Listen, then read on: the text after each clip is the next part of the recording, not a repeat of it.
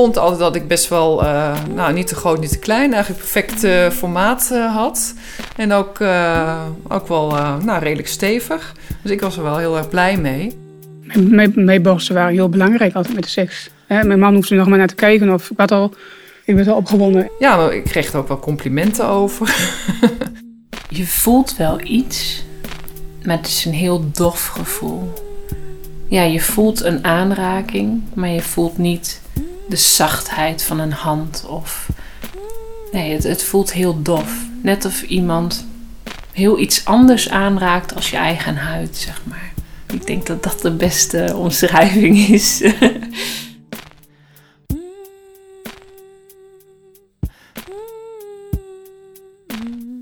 Je luistert naar De Herontdekking van Haarzelf, een podcastserie over seksualiteit na borstkanker. Dit is de luistertutorial Ontboezemingen. Deze podcastserie wordt gemaakt door artsonderzoeker Tessa Steenbrugge, psycholoogonderzoeker Lisanne Hummel en mezelf, Gian van Gunsven. En ik ben journalist en presentator. Je bent behandeld voor borstkanker en dat betekent een operatie aan je borsten. Misschien een borstsparende operatie. Misschien is je hele borst eraf, uit noodzaak of voorzorg.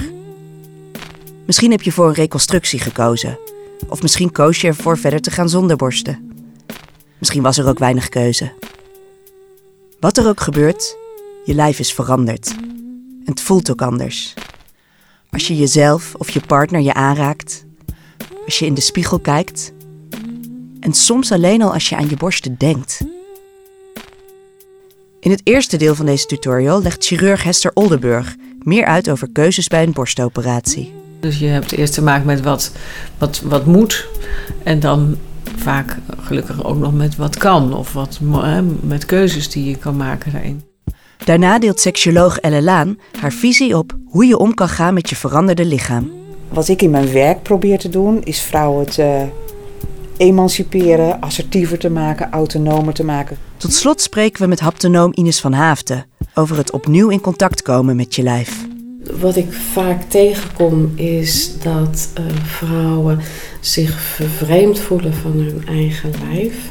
En het een, ja, ook als een, een, uh, een object zijn gaan beschouwen. Tussendoor hoor je de ontboezemingen van Maria, Kim en Sam, die alle drie behandeld zijn voor borstkanker.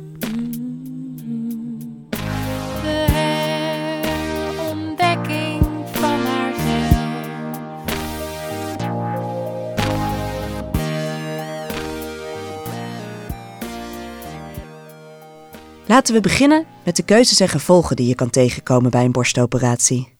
Wat mij van tevoren niet verteld werd, inderdaad, is dat uh, als de borst weggehaald is, dat dat gevoelloos is. Al die zenuwen zijn doorgesneden, je voelt niks.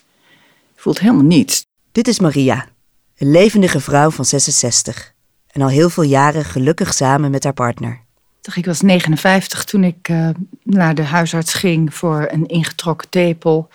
Dat resulteerde in een uh, amputatie en in het uh, bekende traject met chemo, geen bestraling, maar wel de hormoontherapie. Mm, ik vond het een heel ontregelend traject. Hoewel eerst gedacht werd dat er een tumor in haar linkerborst zat, bleek er uiteindelijk een tumor in haar rechterborst te zitten. Die borst werd geamputeerd. Dat ze na de operatie daar geen gevoel meer zou houden, kwam voor haar onverwacht. Nu na acht jaar een klein beetje teruggekomen, klein beetje gevoel, subtiel. Dus iets, maar, maar heel anders dan eerst. En ik, als ik met vriendinnen er wel eens over heb, wat niet vaak gebeurt, maar die zijn ook verbaasd. Oh, dus daar voel je niks meer. Waarom voel je daar dan niks meer? Ja, er is iets van 20 centimeter uh, weg. Dat is heel wat. Er zijn gewoon zenuwen doorgesneden. Voor Maria's partner was het ook wennen. Mijn man weet rommels goed dat ik nog maar één borst heb. Maar op het moment dat je gaat vrijen, nemen instincten het over. En hij is gewend twee borsten te pakken. En dan voelde ik die ene hand daar zomaar weggaan, want daar zat niks meer. Maar dat vond ik in het begin eigenlijk niet zo leuk hoor dan voel je, oh, daar is dus gewoon niks. Ik noemde dat uh, nou ja, de grote leegte of zo. Maria koos niet voor reconstructie van een rechterborst.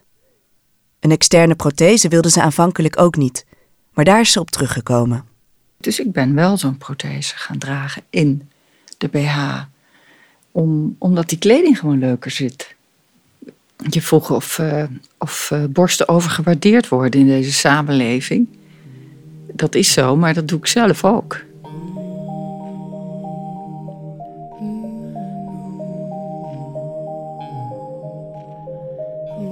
Hester Oldenburg is oncologisch chirurg in het Antonie van Leeuwenhoek, het Nederlands Kankerinstituut. Als chirurg opereert Hester patiënten met kanker, en voornamelijk borstkanker. Allerlei soorten borstoperaties. En dat gaat van eh, sparende borstoperaties tot borstamputaties eh, met of zonder reconstructie. Spreekt zij met patiënten over de maatschappelijke betekenis van borsten? Ik praat daar niet over, over in de spreekkamer. Daar, meestal gaat dat te ver. Maar dat, dat is natuurlijk de achterliggende reden dat we natuurlijk ook zo op gericht zijn om te reconstrueren. Hester vertelt over de impact van de verschillende behandelingen aan de borst. Een borstsparende operatie is uh, over het algemeen een kleinere operatie. Uh, waarbij het grootste deel van de borst gespaard blijft.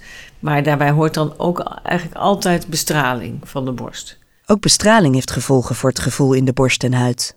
Ja, bestraling kan, um, geeft eigenlijk een soort littekening, verbindweefseling van al het wezen wat bestraald wordt. En dat kan ervoor zorgen dat een borst altijd wat stugger blijft, minder soepel, uh, ook een andere vorm iets houdt dan de andere kant die op den duur wat slapper wordt en wat meer gaat hangen. Hester spreekt ook veel vrouwen die om meer emotionele redenen ervoor kiezen om sowieso de hele borst te laten verwijderen.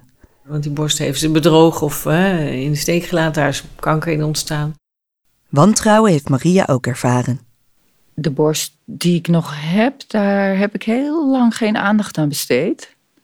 En ik kwam er een tijdje geleden achter dat dat uh, zeker te maken heeft met de angst. Want daar zat oorspronkelijk de verdenking. En toen bleek de andere borst kanker te bevatten. En deze was dan, nee, nou, het is toch, toch wel oké. Dus ik heb altijd het gevoel, oh jee, als die borst maar goed blijft gaan. Dus welke keuze maak je?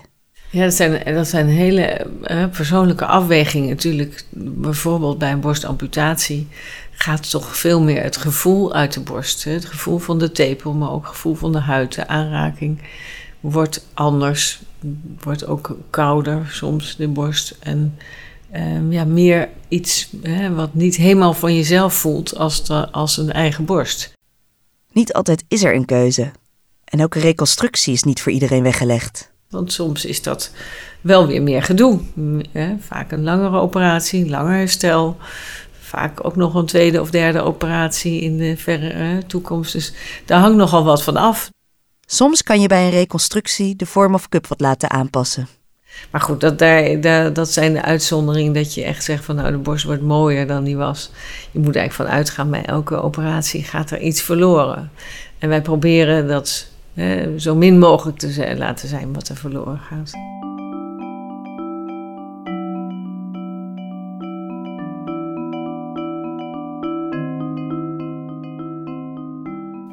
We spreken met Kim over de seksuele betekenis van haar borsten.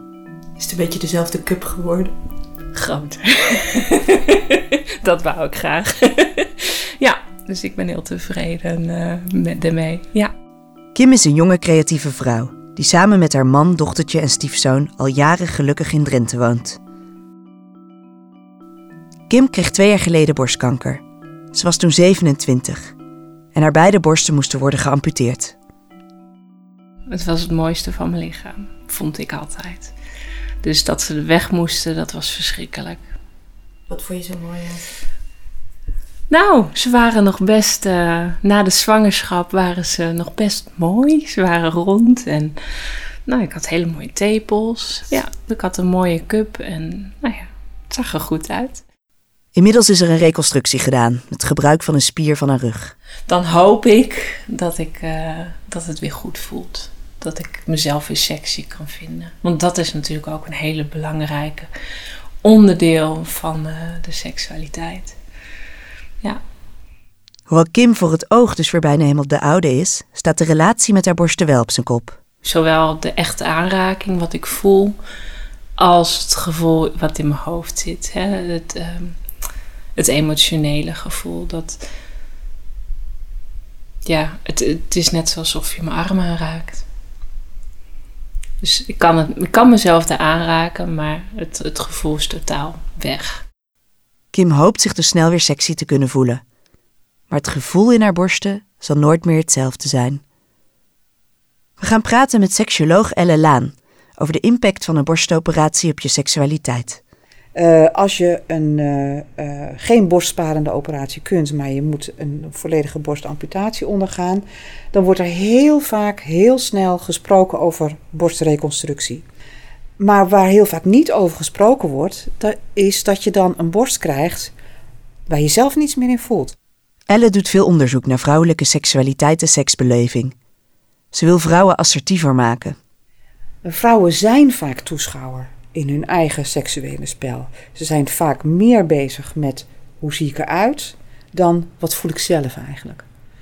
Um, en als, het, als dat zo is, ja, dan ben je natuurlijk ook heel erg kwetsbaar voor het effect van borstamputatie. En een mooi lijf is geen voorwaarde voor fijne seks. Waar het om gaat is hoe ontspannen je je eigen lijf kunt maken. Uh, het huid-op-huid contact met een andere persoon. De warmte die je kunt voelen van een ander lichaam.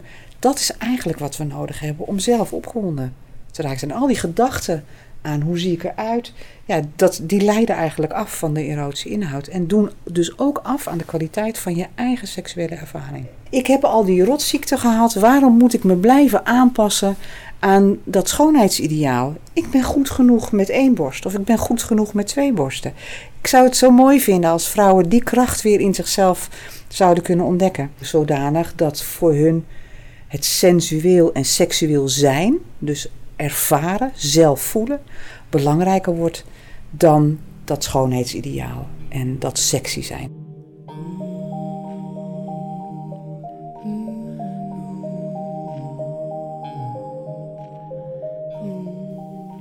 We ontmoeten Sam uit Vlaanderen. Sam heeft de nieuwe realiteit van haar lichaam zonder borsten een prominente plek gegeven in haar leven. Ik bedoel, ik laat mijn lichaam ook fotograferen.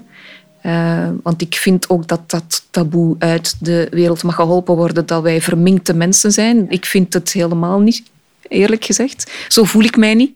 Sam is nu 46. Vijf jaar geleden werd bij haar in een van haar borsten borstkanker ontdekt. Maar ze koos er toch voor beide borsten te laten amputeren. En ik heb meer dan drie uur met mijn arts, de chirurg, moeten praten omdat hij dat niet wilde doen. Uh, maar een van mijn beweegredenen was van ik, ik wil eigenlijk niet voelen dat daar aan die ene kant een leegte is. Ik zou mij veel meer in evenwicht voelen als ze dan allebei weg zijn. En ook bij de seksualiteitsbeleving heb ik hem ook gezegd van ik denk, moest er nog ene borst wel zijn en de andere niet, dan zou ik die ene veel te hard missen.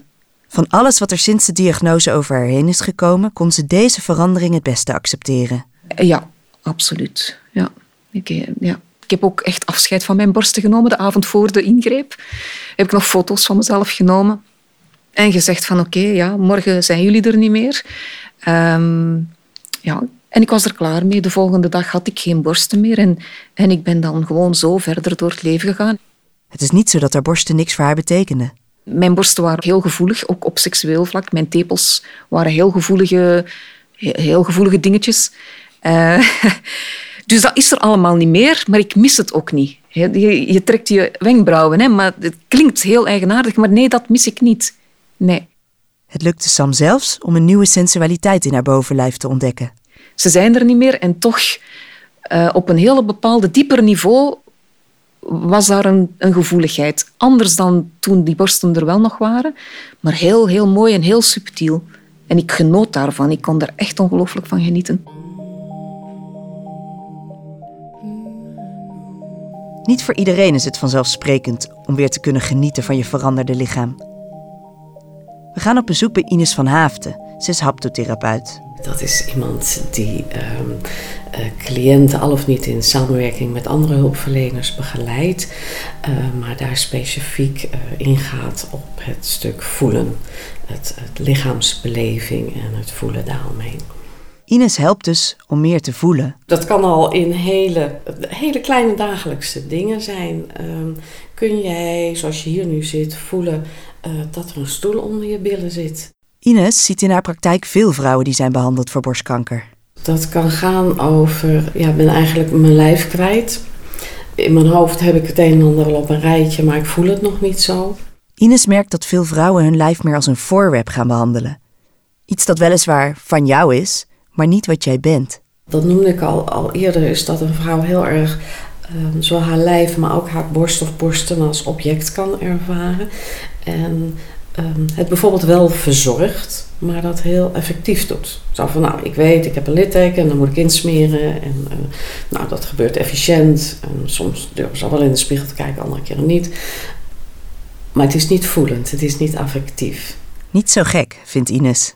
Zelfs als het, als het mooi is gedaan tussen aanhalingstekens, dan is dat ook wel heel erg in je intieme zone. Uh, is er een inbreuk geweest? Uh, cognitief weet een vrouw ook wel van ja, het kon ook niet anders. Maar gevoelsmatig kan dat wel zo zijn. En dat kan ook effect hebben op de intimiteit met je partner. Hoe is het met een partner als hij of zij jou aanraakt? Uh, kun je dan inderdaad echt in die nabijheid je, je, je ook wat mogen verliezen? Of nou, hou je je op een afstand? Kun je überhaupt de aanraking verdragen? Kan ook al meespelen. Ines en Elle benadrukken dat het nodig is om jezelf weer te voelen, in plaats van jezelf van buitenaf te bekijken. Wat ik natuurlijk wel merk is dat kijken in de spiegel. Uh, dat wordt vaak al wel een beetje gedaan, maar dan is het toch een hele kritische blik. Of, nou ja, ik ben al blij als ik durf te kijken. Ik heb het niet over kijken, maar inderdaad over het voelen, over het echt aanraken. En um, daarin, uh, hoe zou ik dat zeggen? Dat ook als je iets niet mooi vindt van jezelf, het toch kan voelen dat het van jou is. Zo helpt Ines vrouwen weer vertrouwd te raken met hun lichaam. Wat doet mijn been als ik het aanraak? He, verkrampt het wat? Of ontspant het juist? Uh, wordt het warm of wordt het koud? Ines is positief over wat je met aandachtige aanraking kan veranderen. Een huid kan verzachten door een, een, een ja, een, een, goede aanraking en door te voelen van dat dit, dat dit ook van jou is. En uh, dat het eigenlijk dat het hele lijf dus niet in die schrikreactie hoeft te staan bij een aanraking, maar zeggen: Oh ja, ik mag, ik mag het loslaten en het is goed. Kim betrekt net als veel andere vrouwen ook haar partner in dit proces. Ik wil heel graag dat hij ze aanraakt. Als soort acceptatie. Dat heeft hij een tijd niet gedaan. Um, deels omdat hij dat moeilijk vindt. Ook omdat het altijd onderdeel was van ons seksleven. Uh, en hij weet nu niet zo goed wat hij ermee aan moet. Maar ik vind het heel prettig als hij dat doet. Um, niet zozeer om hoe het voelt, want ja, dat zeg ik. Um, het voelt net zoals mijn arm. Um, maar gewoon het feit dat hij me accepteert zoals ik nu ben. Steun van partners is belangrijk. Maar zowel seksuoloog Elle Laan als haptotherapeut Ines van Haafden benadrukken dat het het allerbelangrijkst is om je borst of borsten uiteindelijk zelf van binnenuit weer te accepteren. Welke vorm of inhoud je boezem ook heeft. Jouw borsten bepalen je identiteit niet. Uh, natuurlijk is het hard, natuurlijk is het moeilijk. Maar kijk of je een manier kunt vinden om weer van je lichaam te houden. Uh, zodanig dat het sensueel en seksueel zijn, dus ervaren, zelf voelen, belangrijker wordt dan dat schoonheidsideaal en dat sexy zijn.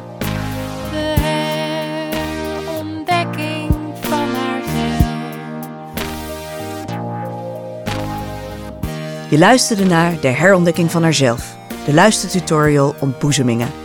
Gemaakt door Lisanne Hummel, Tessa Steenbrugge en mezelf, Gian van Gunsven.